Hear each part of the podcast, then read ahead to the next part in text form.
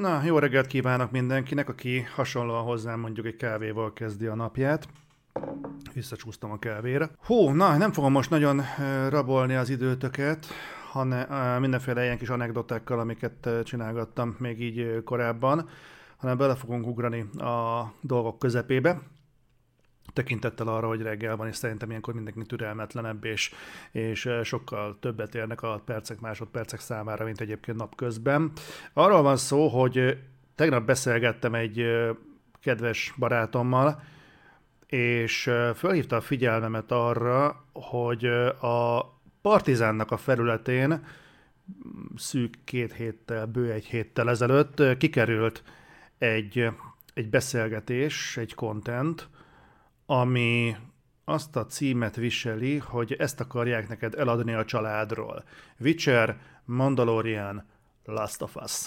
Én nem tudom, mennyire beszéltem erről nektek, de én eh, nem nagyon hallgatok videójátékos tematikájú sem streameket, nem is nem nézem őket, nem nézek videójáték tematikájú kritikákat, podcasteket sem hallgatok ebben a, ezekben a témákban. Filmes vonatkozásban dettó. Ennek leginkább az az oka, hogy ha ezekkel kapcsolatban véleményre van szükségem, akkor általában hagyatkozom a sajátomra. Nincsen szükségem arra, hogy a szabadidőmben még ilyeneket is hallgassak. Általában közéleti dolgokat szoktam hallgatni, vagy, vagy ilyesmi. És megfigyeltem azt, hogy dacára annak, hogy van olyan videós idehaza, aki azt mondta, hogy filmkritikusokra nincsen szükség, mert a filmekről bárki tud véleményt alkotni enough, az ő véleménye, nem tisztem, hogy én ebben ö, megmásítsam a véleményét. Viszont azt észrevettem, hogy ezek a közéleti szereplők, amikor megpróbálnak belemászni jellemzően a videójáték vagy a filmes kultúrába, akkor olyan mértékben lukra tudnak futni olyan dolgokkal, hogy így tényleg csak forgatja az ember a szemét, hogy te jó Isten, ez miért kellett. Ezzel nem arra akarok utalni, hogy a játékokról vagy a filmekről beszélni feltétlenül atomfizika lenne, de szerintem számomra legalábbis elég árnyalja azt, hogy a hozzáértésnek, a, tehát a, a tájékozottságnak a hiánya az itt azért eléggé kirívó tud lenni. Valószínűleg más területen is, de mivel ebben mozgok minden nap, nekem ez eléggé feltűnő. Ennél a pontnál csatlakozom be abba, hogy nagyon kíváncsi vagyok, hogy a, a a Partizánon ezzel mit, ebből mit sikerült kihámozni. Főleg azért, mert a, a baloldalnak a családról alkotott és főleg kommunikált értékei mostanában eléggé hát tőlem távol állnak. Viszont, viszont érdekel, mert ettől függetlenül a Partizánnak a tevékenységét azt, azt értékelem, tehát nekem tehát nagyon örülök, hogy van egy ilyen minőségű csatorna a hazai YouTube-on. Láttam azt, amikor legutóbb erről szó volt, hogy jöttek az emberek a kommentmezőből, nem akarom szándékosan ennél jobban artikulálni, mert körülbelül ennek a színnek felelt meg. De, de azt én nem tudom elvenni tőle, hogy a, a, a Gulyás Marci azt szerintem az egész média szakmának talán, az egy, talán, talán a legtájékozottabb egyéne, függetlenül attól, hogy nekem a személyiségével azért vannak problémáim, de amikor beszél történelemről, vagy társadalmi folyamatokról, akkor az, az, az kikezdhetetlen. Nekem legalábbis kikezdhetetlennek tűnik. Na mindegy, így is sokat beszéltem erről. A lényeg az, hogy ez egy, ez egy ilyen, pont nem látjátok meg, kit akarja a kép.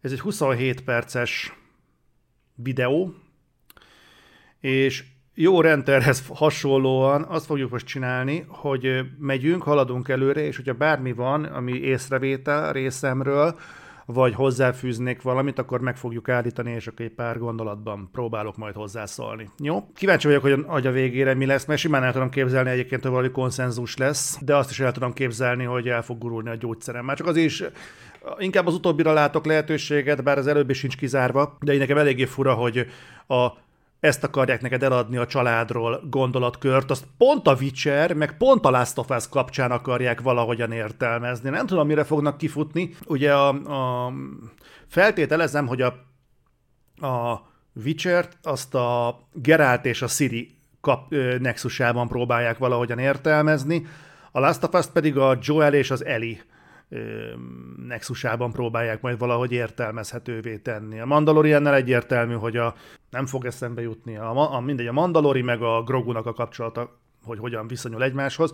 Valószínűleg ebből próbálnak valami relációt felállítani, csak nekem ez fura, mert olyan, mintha a család, családot a, mondjuk a God of War mintája alapján próbálnád értelmezni, bár még annak is több köze van hozzá, mert ott ugye a Loki, az tényleg a Kratosnak a gyereke. Tehát legalább valami vérségi kapcsolat van, ezekben semmi ilyesmi, mindegy. Jó, én nem mondó vagyok, hogy ne is nagyon húzzuk a, az időt.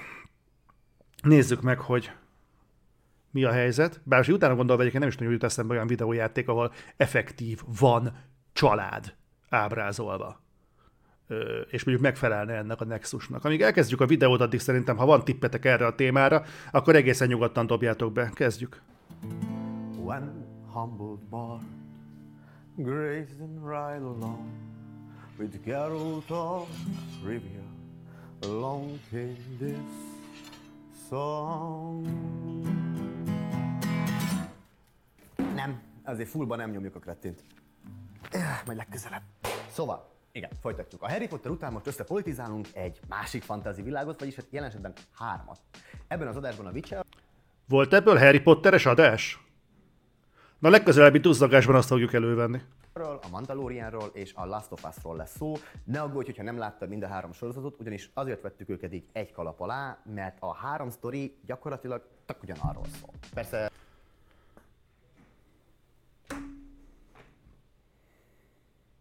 Jó, kíváncsi vagyok, ezt mire futtatják ki. Az még önmagában nem lenne érdekes, hogy egy műnek, vagy több műnek ugyanaz a gerince. Az viszont mégiscsak jelent valamit, hogy három gigastúdió, az HBO, a Netflix és a Disney nagyjából egyszerre dönt úgy, hogy ezt a történetet meséli el nekünk dollármilliókból. Amikor még az eltére jártam, akkor megkérdezte az egyik tanár, hogy ki látta az új Star Wars filmet, az előadóban nem sokan tették fel a kezüket, többek között én sem. Aztán azt mondta, hogy nem kell feltétlenül szeretni a Star Wars-t. De onnantól kezdve, hogy egy film egyetlen nap alatt csak az USA-ban 6,5 millió dollárt csinál egybevételben, azonnantól kezdve már nem csak egy film, hanem társadalmi jelenség. És ami társadalmi jelenség, az közügy.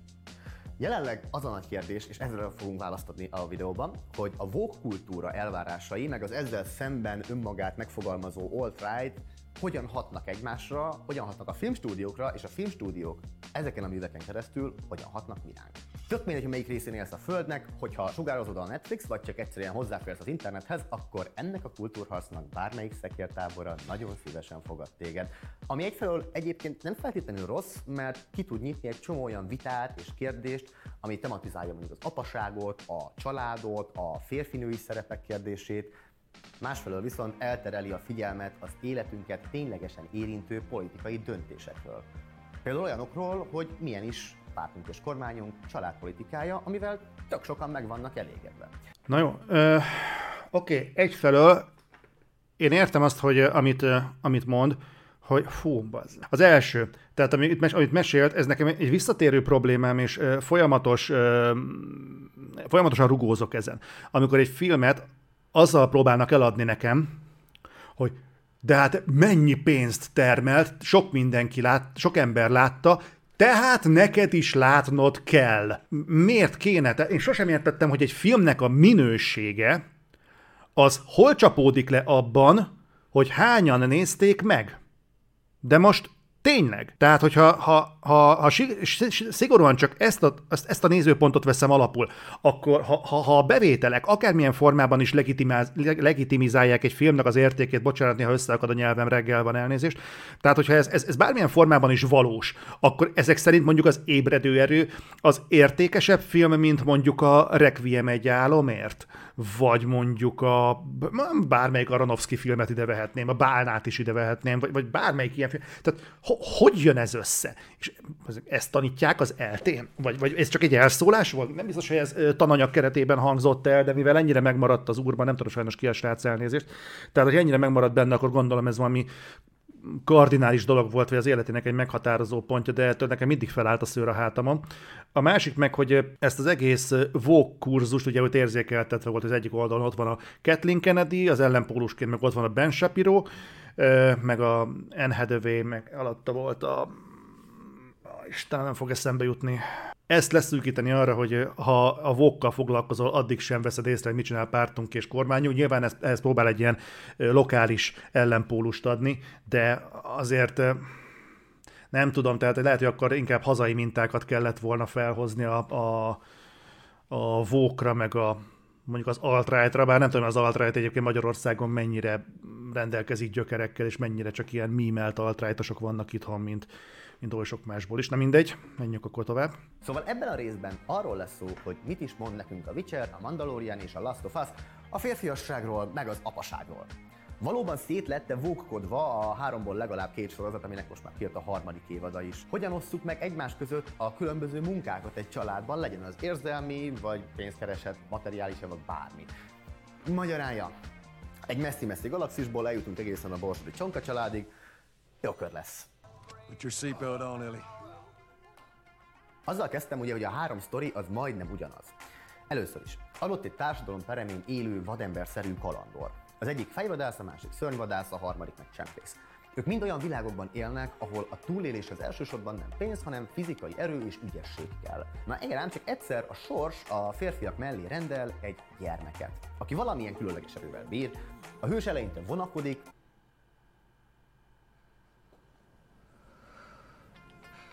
Fuck. Majd feléled benne a felelősségérzet, és a szárnyai alá veszi a gyermeket. Mindhárom férfi a legalapvetőbb apai szerepet tölti be, magyarán védelmez és tanít. Elsősorban a túlélésre. A lényeg, hogy most már ketten vannak a világ ellen. Azért kiderül az is, hogy apának lenni nehéz, és hősünknek szembe kell néznie a saját érzelmi világával is. Ugyanis a gyereknek nem csak kajára, meg biztonságra van szüksége, hanem érzelmi támaszra is. I'm not family. No. Your cargo. Kurva kíváncsi vagyok, hogy ebből mit fognak kihozni, ugyanis ez a modell ez létezik nagyjából a 80-as évek filmgyártása óta. Úgyhogy ez nem egy új keletű dolog, hogy mutatják a magányos hőst, aki egyszer csak kap maga mellé egy gyereket, és azzal kell kezdeni valamit. Most nem fog, ne, fú, nem fog beúrni. Nagyon sok ilyen volt, de ez tipikus az a vetület, ami nem marad meg tudatosan az emberben. Talán még a villó is hasonló volt, de utána kéne néznem, de, de, de ez nem egy, nem egy kirívó példa, ez nem a, a Witcher, Mandalorian meg a Last of Us találta fel. Messziről indulunk, de a hős megérti, hogy a rábízott élet nem olyan, mint egy tárgy, nem birtokolható, hanem saját akarata jellemes, sőt, küldetése van. Kialakul egy érzelmi közösség kettejük között, ahol kicsit egymást is nevelik. Most már ketten állnak szembe a világgal. Igen ám, de... Joe? Joe, no, no, no, shit!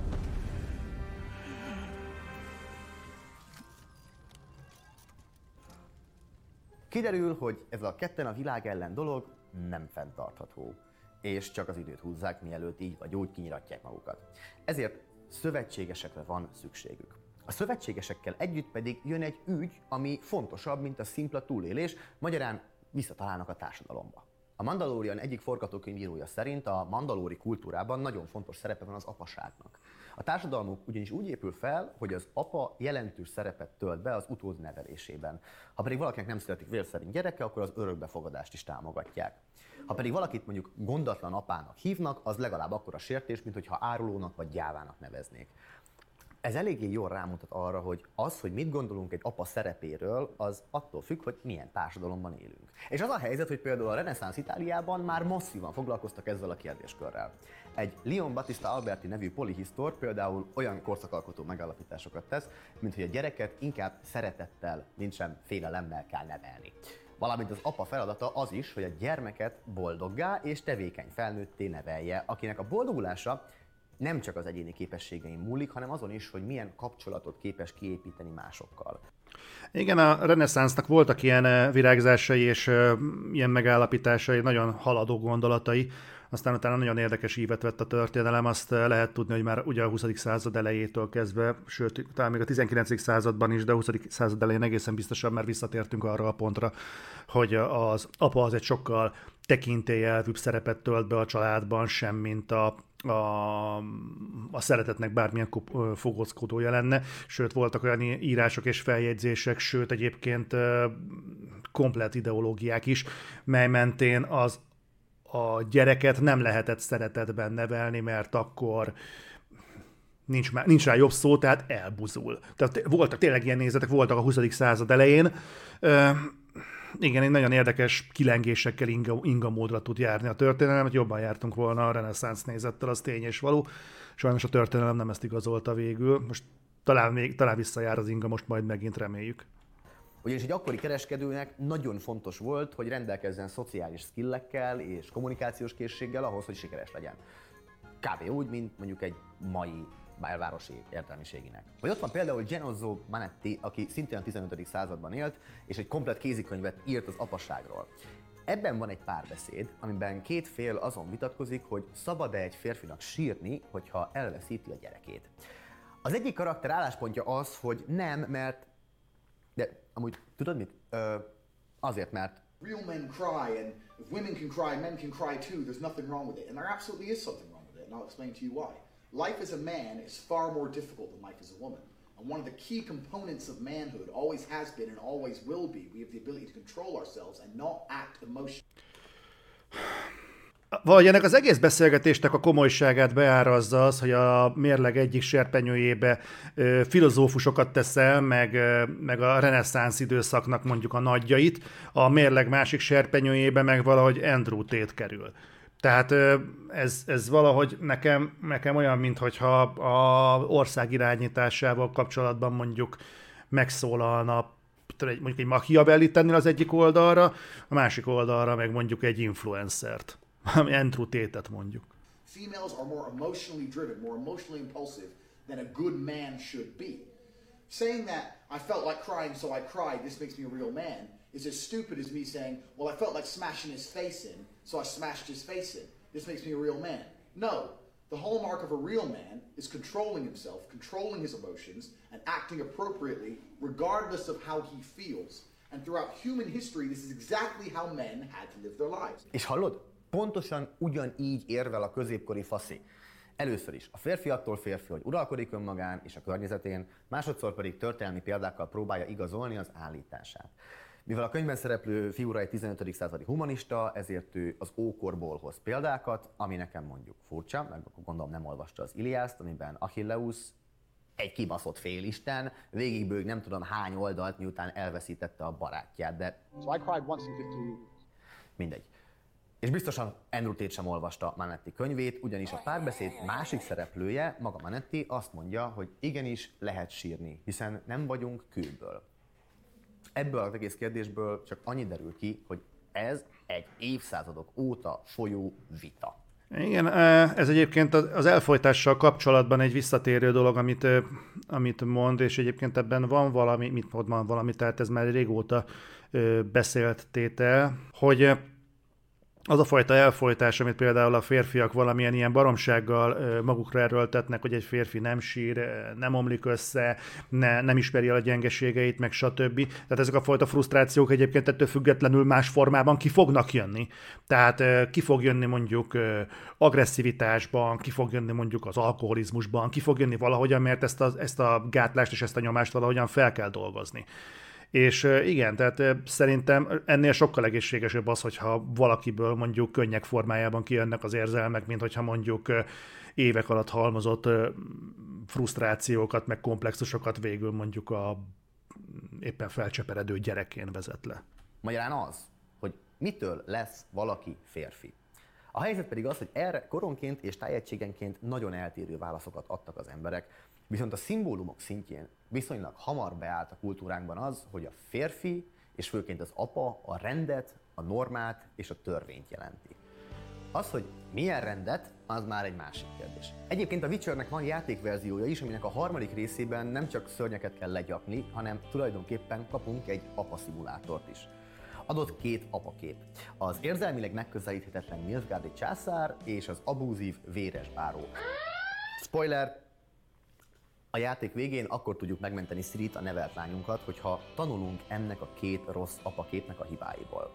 Na de, mi van akkor, hogyha az apa valamiért kikerül a képből? Kedvenc témám!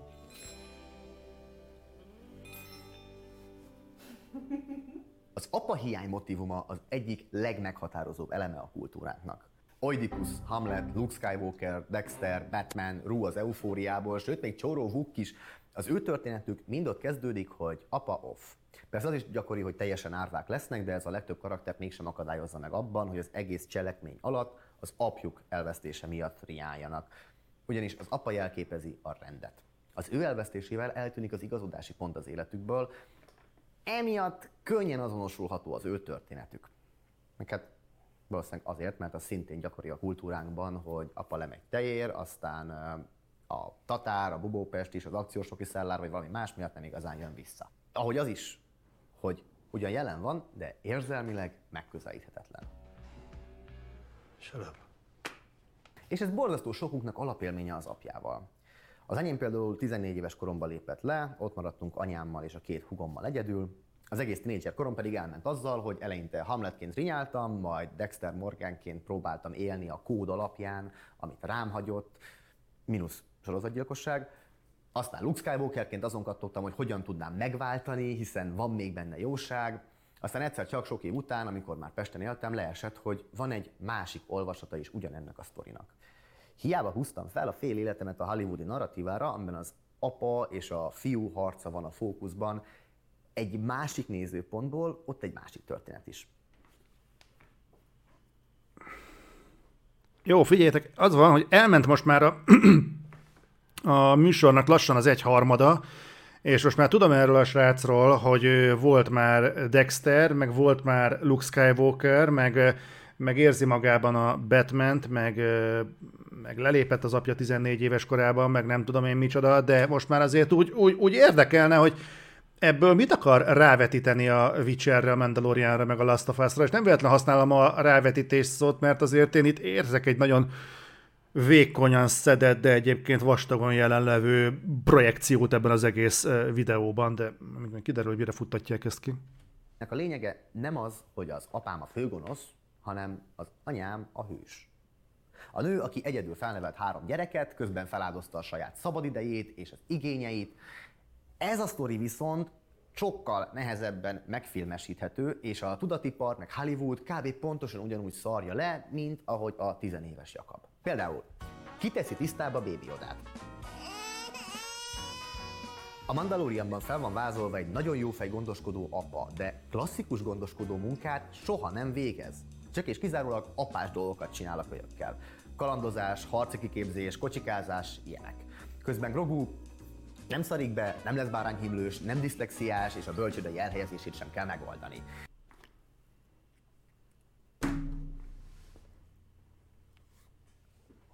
Pozd meg! Csak az előbbi példák, amik fel voltak vetve, én, én, én nem, nem emlékszem arra például, hogy Hamlet hányszor ment szarni.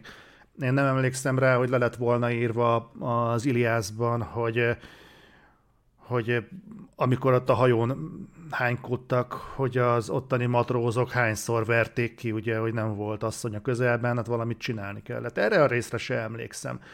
Tehát, ja, tényleg valóban a, a Mandalorianből rettentően hiányzik az, hogy kitette tisztába a kis grogut, meg, meg, meg ilyenek, hogy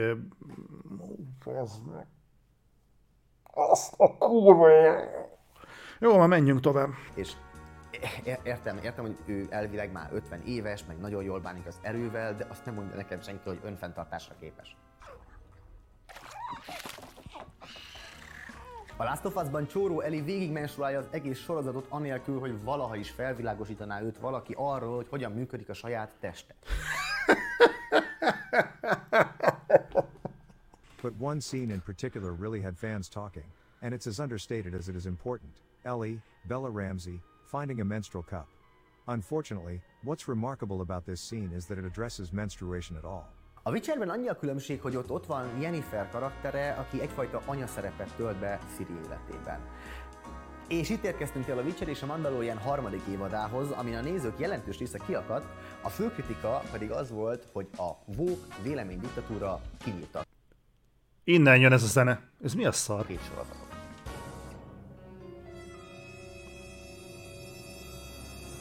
De mit értünk vókság alatt? Magának a szónak hosszú története van, hogyha mélyebben érdekel a téma, akkor hallgass meg ezt a korábbi podcast adásunkat. Ami biztos, hogy itt egy a popkultúránkba is átszivárgó értékrendről van szó. A főbb célja, hogy egyenlő jogokkal rendelkezzenek a szexuális kisebbségek, a különböző etnikumok és nem utolsó sorban a nők. És egy ilyen jog a reprezentációhoz való joguk is. Hát ez egy eléggé felvizezett értelmezése annak, amiről a vók egyébként szól. A vók nem egyenlő jogokról szól, hanem többletjogokról. Ezzel van a problémája a legtöbb embernek, és nem azzal, hogy ugyanúgy működik, mint a klasszikus értelemben vett feminizmus, ami valóban egyenlő jogokat követelt a nőknek a férfiakkal, a vókkal. Az a probléma, hogy többletjogokat követel a jellemzően a férfiak és a, és a hagyományos értelemben vett családmodellnek a kárára. Persze sokkal szalonképesebb úgy előadni, hogy egyenlő jogokat akarnak, kurvára nem erről van szó alapvetően. Azt a kérdést teszik fel, hogy ha a társadalom 80%-ban nem fehér hetero férfiakból áll, akkor miért van az, hogy a popkultúránkban a főszereplő főhősök 80%-át ők adják? Ennek kurva egyszerű magyarázata van, ezt már nagyon-nagyon régen elmondták, ez azért van, csak ugye ennek utána kéne nézni. Azért alakult az ki, hogy a mozi világban a mozifilmeknek a jelentős részét azt eh, fehér férfiak alkotják, mert az USA-ban például a fehér férfiak voltak azok, akik elsősorban a mozi egyet megvették. Tehát arra pozícionálták ezeket a dolgokat, hogy elsősorban őket kell megnyerni, mert ők fogják eldönteni, milyen filmre akarnak menni, és ők fogják kifizetni végeredményben a jegyárat. Teljesen egyértelmű, hogy autót is azoknak árulsz, akinek van jogosítványuk. Ez nem diszkrimináció, hanem egészen egyszerűen így működik a piac. Ez nem patriarchális berendezkedés, ez nem ilyesmi, hanem, hanem egészen egyszerűen így alakult a társadalom. Most, ha ez elkezdett felhigulni, és hála Istennek sokkal több nő választ mostanában filmet, mint pasi, így most már jönnek olyan filmek, mint mondjuk a Barbie, ami, ami megfordított egy több évtizedes trendet az Egyesült Államokban, és most már so, so, például sokkal több nő ment el rá, mint férfi. Ez egyébként más hasonló témájú filmeknél sem volt ennyire jellemző, és sikerült egy ilyen utat kitaposni. Ez egy ilyen kulturális jelenség volt, tehát nem, nem kell ez belerátni, az meg, ami itt volt, hanem ez egész egyszerűen ez diktálta a piac. És a három sorozat a reprezentáció szintjén el is végzi a házi feladatot. Etnikai diverzitás, LMBTQ karakterek, nők, benne vannak, ez tény. Mondjuk ez körülbelül akkora segítség, mint annó az angol nőknek a kora újkorban, hogy első Erzsébet királynő királynő lett. Az az első Erzsébet, aki egyszer azt mondta, hogy kívülről lehet, hogy nőnek néz ki, belülről mégis egy férfi szerveit hordozza magában. Na valami nagyon hasonló dolog történik itt is. Ezek a potens női karakterek akármikor lecserélhetőnek lennének férfi karakterekre, és nem venné észre senki. És nem azért, mert a nők emocionálisabbak, a férfiak meg racionálisabbak lennének. Az a helyzet, hogy a tudatipar nagyon sok esetben figyelmen kívül hagyja, sőt egyenesen eltagadja azt, hogy egy nőt az élete során igenis más hatások érnek, más akadályok elé van állítva, mint egy férfi. Nyilván van, ahol ezt is figyelembe veszik, éppen ezért működnek azok a bizonyos karakterek. Ott van például a Trónok harc, a spin-off, a Sárkányok háza. A Targaryen csajok története nem azért működik, mert a szereplők görbosszok, hanem azért, mert valósághű hátráltató tényezők ellenére görbosszok. Hiába lovagolnak bőszben a sárkányokon, ez nálunk egy ilyen családi vonás, meg tök természetes, de azon túl a világ még nőként tekint rájuk. Szó... Ez kurva érdekes egyébként, hogy az, hogy a nők meglovagolnak sár, sárkányokat, meg uralkodnak egy birodalomnak a, a csúcsán, az teljesen legit és jól van ábrázolva, és ez egy olyan akadály, amik a nőknek teljesen más akadályokat gördít az élet útjába. De érdekes módon az, hogy egy pasi mondjuk apaként akar szerepelni, és mondjuk ő testesíti meg az elmondások alapján egy ilyen fegyelmet, meg rendet, meg hogy a, a srác mondta a törvény, az valahogy egy ilyen megkérdőjelezendő, furcsa, öm, olyan, olyan öm, hunyorgós visszapillantást kiváltó tempó a, a filmekben. Nagyon kíváncsi vagyok, hova fogják ezt kifuttatni, mert már túl vagyunk az anyag felén.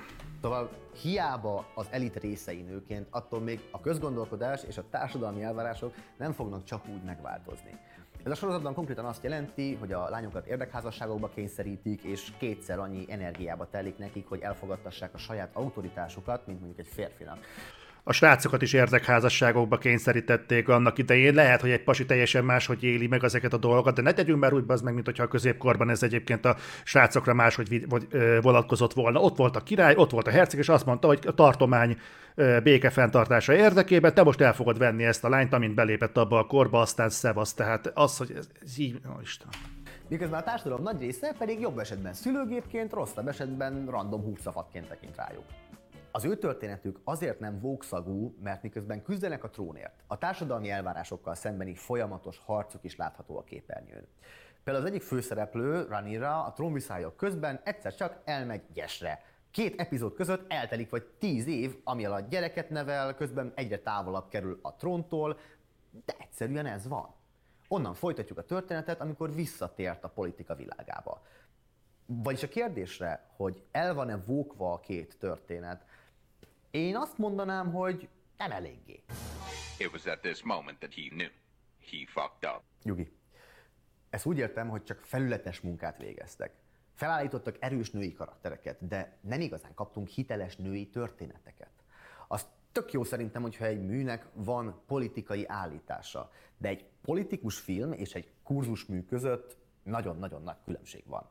Ha egy politikai állítás egy filmben csak a megjelenítés, vagyis a reprezentáció szintjén mindenféle klisén és maníron keresztül van elmesélve, az szar lesz.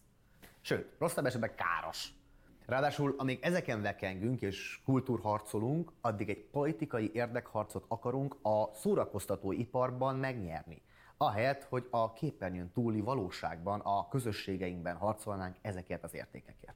Egyébként ez tényleg most akkor a probléma? Tehát értem én, hogy ebből lehet problémát csinálni, de ez tényleg valós probléma? Tehát a, amit ő felvetett, ez a srác a videónak az elején, az az volt, hogy ezek a gondolatok, ez az egész eh, vók vonal, meg a vele szemben ellentétpár képező alt arra jók, hogy elleplezzék a, a, a világunkban lévő valódi problémákat.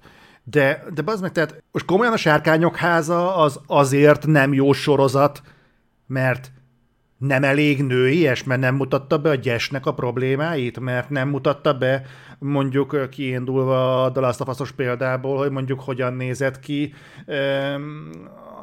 ebben a fantasy középkorban mondjuk egy tampon felhelyezése, attól mondjuk jobb lett volna?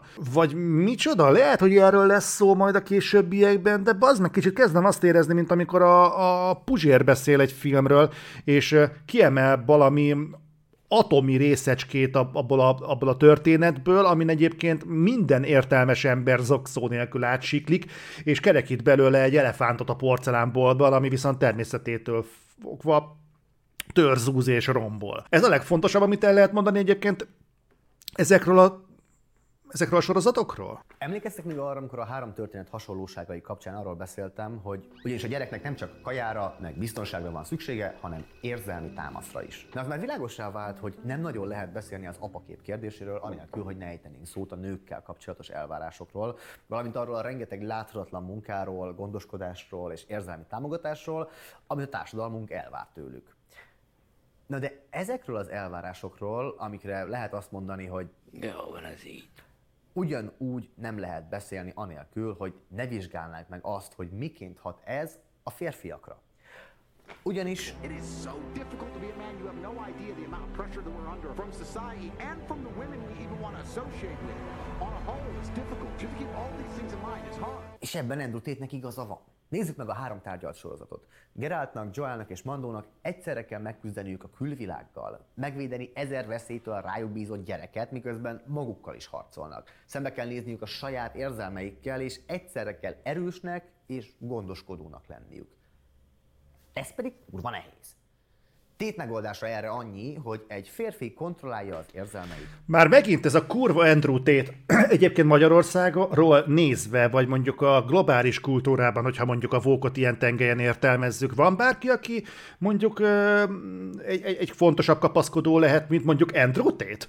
Oldja meg a problémákat, és anyagilag tegye magát függetlenni a társadalomtól, mert hát ugye ettől lesz igazi alfa. Szerintem ide kapcsolódik a regresszió fogalma, ami azt jelenti a pszichológiában, amikor egy olyan rémisztő kihívás elé állít minket az élet, hogy inkább visszamenekülünk egy korábbi gyermeki állapotba. Na, valami hasonlót rejtenek magukban ezek az életvezetési tanácsok is. Tét az egyszerű utat ajánlja. És basszus, ezzel nehéz versenyezni.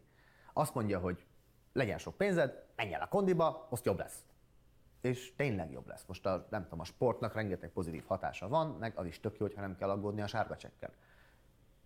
Ez egy jó dílnek hangzik. És felmerül a kérdés, hogy akkor most mit mondjak én? Járjál szioterápiába egy életen keresztül, fejleszd az önismeretedet, legyél önreflexív, és tedd fel mindig a kérdést magadnak, hogy a saját céljaim mikor kezdik el sérteni más emberek érdekeit, miközben ezzel az empátiával legyél végig ellenzékben a saját országodban, és majd mindezek után, hogyha egyszer egyre többen gondolkodunk így, akkor egy szolidárisabb, igazságosabb társadalomban fogunk élni, ahol te és mindenki más is boldogabb lesz. Ez viszont egy kurva jó gondolat. Ez nagyon tetszik. Igen, az embereknek kevesebbet kéne foglalkozniuk azzal, mit gondolnak mások róluk, mert megfelelni a külvilágnak, hanem sokkal inkább kéne néha így befelé fordulni, és a saját problémájukat saját maguknak megoldani, akár csak annyival, hogy több időt töltenek magukkal, több időt töltenek magukban, és jobban odafigyelnek a, a belső hangjukra, hogy így fogalmazzak. Ez, ez, egy, ez egy kurva jó gondolat. Sokkal egyszerűbb visszaregresszálni egy felelőtlen gyermeki állapotba, ahol csak a saját jólétem számít. Csak a saját csajaim, csak a szép autó, csak a drága cipők, csak a fehérje portól duzzadó bicekszek a képe a tükörben, maximum a családom jöhet még számításban, de semmi másért nem tartozom felelősséggel. A három főhős szintén csak önmagáért teper, amikor egyszer csak el nem buknak. Na itt Tét és az ő általa képviselt filozófia kiszáll a történetből, hiszen az ő tanácsait megfogadó fiatalok maximum hosszú évek múlva fognak szembesülni ezekkel a kudarcokkal, az pedig őt már nem érdekli. Geralt, Mando és Joel arra jönnek rá, hogy ez a túlélésre alapozott férfilét hosszú távon fenntarthatatlan. Hiába rólják ketten az utakat, előbb-utóbb vagy a gombazombik zabálják fel őket, vagy az elállatjasodott embertársai. Hiába tanulja meg egy Witcher harci képességeit és egy mágus varázserejét Siri, a vadak ellen csak egységben van esélyük győzni. És hiába válik Grogu mandalóri harcossá és egyben Jedivé, hogyha nincsenek körülötte mandalóriak. Magyarán egy közösség, ami az egyetlen valódi esélyünk emberként a túlélésre. Ezért felelősségünk is, hogy foglalkozzunk és megteremtsük azt a közösséget, és ne csak a kultúrhancos lózungokkal foglalkozzunk. A Fidesz családpolitikájának van egy kommunikációs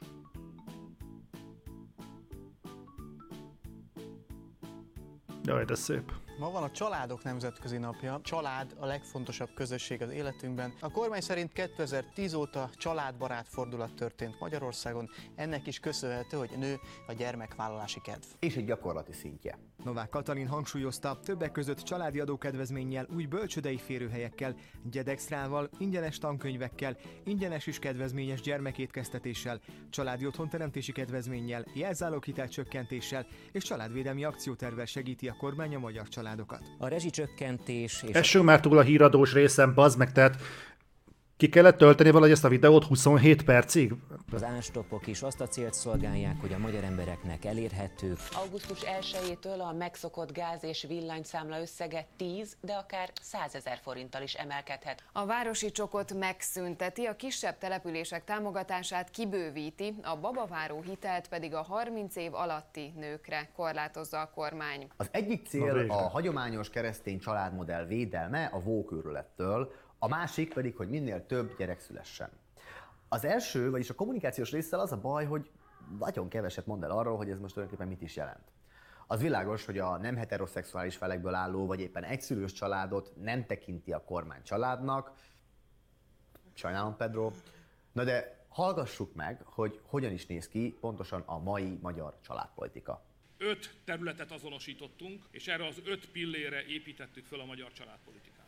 Az első hogy a gyermekvállalás egy család számára anyagi... Azt rágjátok egyébként, hogy megnéztünk egy videót, ami arról szól, hogy Witcher, Mandalorian és Last of Us és a benne lévő család modell, és sikerült ezt levinni arra, hogy Magyarország kormánya, aminek egyébként is ezer ponton megkérdőjelezhető a, a teljes működése, meg hogy egyébként elvei, meg, meg, meg ilyenek nem nagyon vannak, egyáltalán nincsenek, tehát így a szélrózsa minden irányába hajlanak, főleg arra, amerről a pénz jön. Tehát komolyan ezt állítjuk be arra, hogy értelmezzük, tehát az ő nézőpontjukon keresztül kéne értelmeznünk a Witcher-t, a Mandalorian, meg a Last of Us-t. E, ez most, ez most egyébként tényleg komoly, amit most itt látok. Én egyébként azt hittem, hogy valahogy itt ezt a Vók szempontot próbálják majd valahogyan oktrajálni erre a két sorozat, vagy három sorozatra, de én, én egy percig nem hittem volna, hogy Orbán Viktor fogom nézni egy ilyen összeállításban.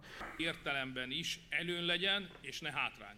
A második, hogy a családokat lakáshoz, és ez fontos, saját tulajdonú lakáshoz kell segíteni. Harmadszor, hogy a családpolitikánkat az édesanyákra kell alapozni. Negyedszer, nem csak családpolitikát kell csinálni, az egész ország működését családbaráttá kell változtatni. És végül az ötödik pillér, hogy meg kell védeni a jog eszközeivel is, meg kell védeni a család intézményét és a gyermekeket. Szóval a legfontosabb a családok védelme és a születés szám növelése. Ez utóbbiban van is előrelépés, amíg 2010-ben átlagosan egy magyar anyának 1,2 gyermeke született, jó, tudom, hogy borzasztó hülye hangzik, de ilyen a statisztikának a nyelve, addig ez a szám mára már 1,6 körül mozog. Ezt nem lehet egyetlen okra levezetni, de biztosan hozzájárultak a növekedéshez a különböző pénzbeli utalások is. De az első két pont után kezd kicsit ködössé válni a dolog. A harmadik pont, miszerint az édesanyákra kell építeni, egy elég kétélű fegyver. Ugye, kik hiányoznak itt a történetből? Hát az apák. Ez megint nem egy új keretű dolog. Egy családban sokkal biztosabb bázis az anya, mint az apa. Általában, amikor kérdéses valamelyik félnek a megléte, vagy a kiléte, sokkal valószínűbb, hogy mondjuk megkérdezik, hogy ki volt az apa, mint hogy ki volt az anya, mert az anya az általában azért exakt. Van ez a mondás, anya csak egy van. Tehát olyat megdobhat az élet sajnos, hogy pff, nem tudom, hogy ki az apa. Nem véletlen, hogy a különböző ilyen ö, személyes adatoknál is nem az van, hogy apja neve, hanem hogy anyja neve. Tehát az anya az egy bázis egyébként a családban, meg a, a, a társadalomban mindig is. Most az, hogy ennek kapcsán elkezdjük hiányolni, hogy hol van az apa, hát bazd meg, reméljük, hogy ott. Reméljük, hogy a helyén van. Mert nem értem ezt a gondolatmenetet. Most az egyik alkalommal az a probléma, hogy az apa szerep az nagyon markánsan meg van jelenítve a, a sorozatokban, és mondjuk túl van hangsúlyozva, gondolom valami ilyesmiről volt itt szó.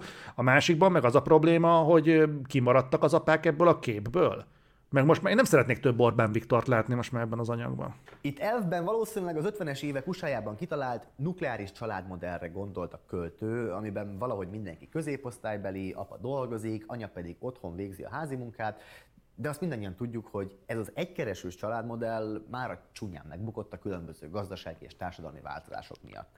Például ki tud már manapság egyedül annyi pénzt keresni, hogy eltartson egy egész családot, meg valamiért sok nő nem annyira élte ezt a szerepkört. De vissza Magyarországhoz. Nálunk is létezik apai ígyes és gyed, illetve a dolgozó nők aránya is folyamatosan nő, ezt pedig adókedvezményekkel a kormány is elősegíti. Bár az uniós átlagot meghaladja az anyák foglalkoztatottsági rátája, ez azt is jelenti, hogy itt valószínűleg a nőkre több teher hárul, hogyha a munkamegosztás nincs megoldva a családban. A másik dolog, amiről még nincsen szó, az az, hogy mi lesz azzal a szerencsétlen 1,6 gyerekkel, aki megszületik. Hasonlítsuk össze a magyar és mondjuk a finn családpolitika alappilléreit. Kurvára érdekel, bazd meg, tehát a, a Witcher érdekelne engem, a Mandalorian, meg a Last of Us. Rohadtul leszarom ebben a videóban a finn családpolitikát, bazd meg, meg a, az örmény GDP-t, meg a, meg nem tudom, a, szubszaharai népességvándorlást kurvára nem érdekel, tehát engem a, a, a, a, az érdekelne, amiért rákattintottam erre a szájbarakott videóra. Van még négy perc hátra ebből a tartalomból, és bazen most kezdenek el nekem magyarázni valamit a finn családmodellről, hát akkor a pofám leszakad. Mi a faszom ez? Ők is öt pontot tartottak fontosnak kiemelni. Az első a gyermek jólét megteremtése, ami ingyenes egészségügyi szolgáltatásokat akar. A második a szülészeti klinikákra vonatkozik, a harmadik pont nevezzük védőnői hálózatnak, a negyedik és az ötödik pedig tulajdonképpen egy témáról, az oktatási rendszerről szól. Magyarán a finnek öt pontjából három az egészségügyi rendszert, kettő pedig az oktatást érinti. Hát ez kibaszott érdekes, köszönöm szépen. És ennek meg is van az eredménye. Jó, persze lehet azzal villogni, hogy a világ legboldogabb országa, de azért az az 1,37 százados fertilitási rátával nem vágnék fel.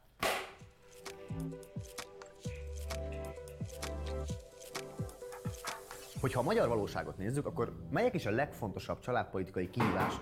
Anyád, melyek is Ezt érteni kellett volna, hogy mi van. De komolyan bazd meg ránézek, hogy mikor volt itt utoljára szó az arról, amit effektív itt nézünk. Itt van Baby Yoda, ez körülbelül olyan 19 perc környékén. Ez azt jelenti, hogy az elmúlt 5 percben, a 27-ből egy kurva szó nem esett a, a, a geek vonalról. a legfőbb családpolitikai kihívások, hogyha nem csak arra koncentrálunk, hogy minél több gyerek szülessen. Először is. A rabszolgatörvény lehetővé teszi, hogy a munkáltatók önkéntes túlórákra kényszerítsék a szülőket, ezzel megfosztva a gyerekeket a szüleik erejétől, jelenlététől, figyelmétől. Másodszor, a 2022-es szociális törvény szerint, hogyha valaki bajban van, arról először a családja, utána az önkormányzat, utána az egyház, és csak legvégül az állam felelős gondoskodni. Harmadszor, azzal sem már kezdeni valamit, hogy ne csak oda kerüljön pénz, ahol már eleve van, különben a családpolitika továbbra is csak bizonyos családokról szól majd. Negyed. Lesz ebben a videóban még szó, szó arról, amiért végeredményben elkezdtük nézni, csak így belemegyek ebbe a timeline-ba, hogy mi van. Ah, hú, hát ez egy aranybánya lesz. Jó, hát ezt a utolsó két percet még megnézzük, de hát Egyszer. Hogyha a társadalmi felemelkedés klasszikus útja az oktatás, már pedig ezt elég sok példa mutatja, akkor nem ártana építeni az oktatási rendszert, nem pedig leépíteni. Ötödször pedig ott az egészségügy kérdése, ahol a lakosságot egyre inkább a magánszféra felé tereli az állam, már akinek egyáltalán van erre pénze, a többség meg legyen immunis mindenre a világon, vagy imádkozzon, vagy nem tudom. És végül hatodik pontban, hogyha valakinek ne hagy Isten valamiért mégse sikerülne összehozni egy saját ingatlan, akkor az albérle piac elég hosszú ideig fogja kiszipolyozni a megmaradt pénzét, úgyhogy társadalmi felemelkedés ezúton is off. Szóval összegezzünk. Elmondhatjuk, hogy arra kell nemet mondanunk, amire a három sorozatbeli apa is nemet mond. Ugyanis a gyerek valódi boldogulása egy közösségben, nem pedig a vadon törvényeire adott egyéni válaszokban van. Hát ez kurva jó. Tehát ez, ez, ez nagyon-nagyon fasza. Tehát ö, két dolog. Egyfelől nagyon-nagyon kíváncsi lennék arra a Witcherre, amikor meg kell menteni Szirit, és helyette mondjuk elviszi a helyi hídgyülekezetébe, beteszi, hogy maradjál inkább közösségbe, mert ott majd vigyáznak rád. Egyrészt, a másik meg, hogy ö, itt komolyan van egy olyan elképzelés, hogy az emberek ö, majd úgy fognak gyereket nevelni, hogy lesz egy gyerekük, és bemennek vele a vadonba, vagy ö, elmennek mondjuk a minden reggel a Szigony utcába végigverekedni magukat az ott lakókon, vagy, vagy, vagy mi, mi, milyen párhuzam van itt vonva mégis a valósággal? Ez viszont olyan társadalomra van szükség, ami nem Tate értékeire építünk, aki változtatni semmit nem akar, csak alkalmazkodni és nyerészkedni. Ehhez képest Andrew Tate az egyetlen kortárs gon- gondolkodó, akitől be vannak vágva ötletek, vagy bármilyen szó, vélemény erről az egészről, be lehetett volna vágni mondjuk olyan, olyan véleményeket is, és olyan nézőpontokat is, amik mentén mondjuk el lehetne indulni, ami mondjuk konstruktív, hogy ne az legyen, hogy az egyik oldalon mondjuk ö, 3-400 éves vélemények és nézőpontok vannak, a másik oldalon meg Andrew Tate, majd elmondjuk, hogy az tök jó volt, csak hát nagyon régen volt, ez meg most van, ez meg szar. Úgyhogy vonjuk le a következtetést, és állítunk valamit, amihez nem csatolunk semmiféle irodalma. Pontosabban, de volt a finn oktatási modellről, meg a ö, anyáknak a, a hazai szülési átlagáról, meg, meg ilyenekről. Arról volt, az, az nagyon hasznos volt a Witcher meg a Mandalorian szempontjából, nem kevésbé a Last of Us-éból. A hazánk viszont azzal nyer a legtöbbet, hogyha mi magunk azon dolgozunk, hogy a családos élet ne egy túlélő túra legyen a vadonba. És pontosan ezért van szükség olyan családpolitikára, ami nem csak a vóktól akar megvédeni, és nem csak az egyén felelősségét szajkozza, hanem közösségben gondolkodik. Nem csak a szavak, hanem a tettek szintjén is. Ez pedig tényleg nem egyszerű. A döntésen pedig, hogy melyiket választjuk, hát végül is csak az egész jövőn múlik. Köszönjük, Emese. Jó, tehát akkor uh, sikerült egy 27 perces videót végignéznünk így szűk 50, vagy hát bő 50 percben. Megállapíthatjuk, hogy nem, nem állapíthatunk meg semmit, tehát hogy figyeljetek, ne vigyétek be a gyereket a dzsungelbe, jó? Tehát uh, hogyha ha apák lesztek, akkor legyetek szívesek a, a dzsungelt kívül hagyni, és menjetek közösségbe, legyetek minél többet a családdal, minél többet barátokkal, minél többet menjetek olyan helyre, ahol sokan vannak, meg, meg ilyenek. Nyilván egyébként ezt most itt sarkítva értelmezem, de nem kevésbé sarkítva, mint amennyit itt a videó hozzá akart tenni. Ja, meg hallgassatok sok Orbán beszédet, meg tanulmányozzátok a finn családmodellt, meg az oktatási rendet, meg nézzegessetek mindenféle szociológiai gráfokat, meg ilyeneket, mert az kurva jó. Főleg, hogyha arról akarsz beszélni, hogy Witcher, Mandalorian, meg Last of Us. Tudti, hogy ezt azért tették egyébként bele a címbe, hogy legyen kattintás, mert egyébként, amiről ez a videó szól, ennek legfeljebb csak ilyen kötelező körjelleggel van valami köze a témához. Amúgy egyáltalán nem. Nagyon jó volt ez így reggeli indításnak. Én én nagyon szépen köszönöm, hogy itt voltatok velem, és megtiszteltetek. Én nem tartom kizártnak, hogy ezt a ezt a sorozatot folytatni fogom, mert egyébként így nagyon kíváncsi vagyok, hogy a Harry Potterbe hogyan lehet becsempészni Orbán Viktort. Úgyhogy én lehet, hogy teszek ezzel még egy próbát. Lehet, hogy holnap. Meglátjuk. Minden esetre én köszönöm szépen a figyelmeteket, és akkor találkozunk a legközelebbi alkalommal. Hogyha holnap fel tudok kelni kellően korán reggel, akkor, akkor azt rátok fogom szánni. Úgyhogy készüljetek úgy, hogy holnap reggel 8-kor itt egy újabb duzzogásban. Na, ciao, ciao.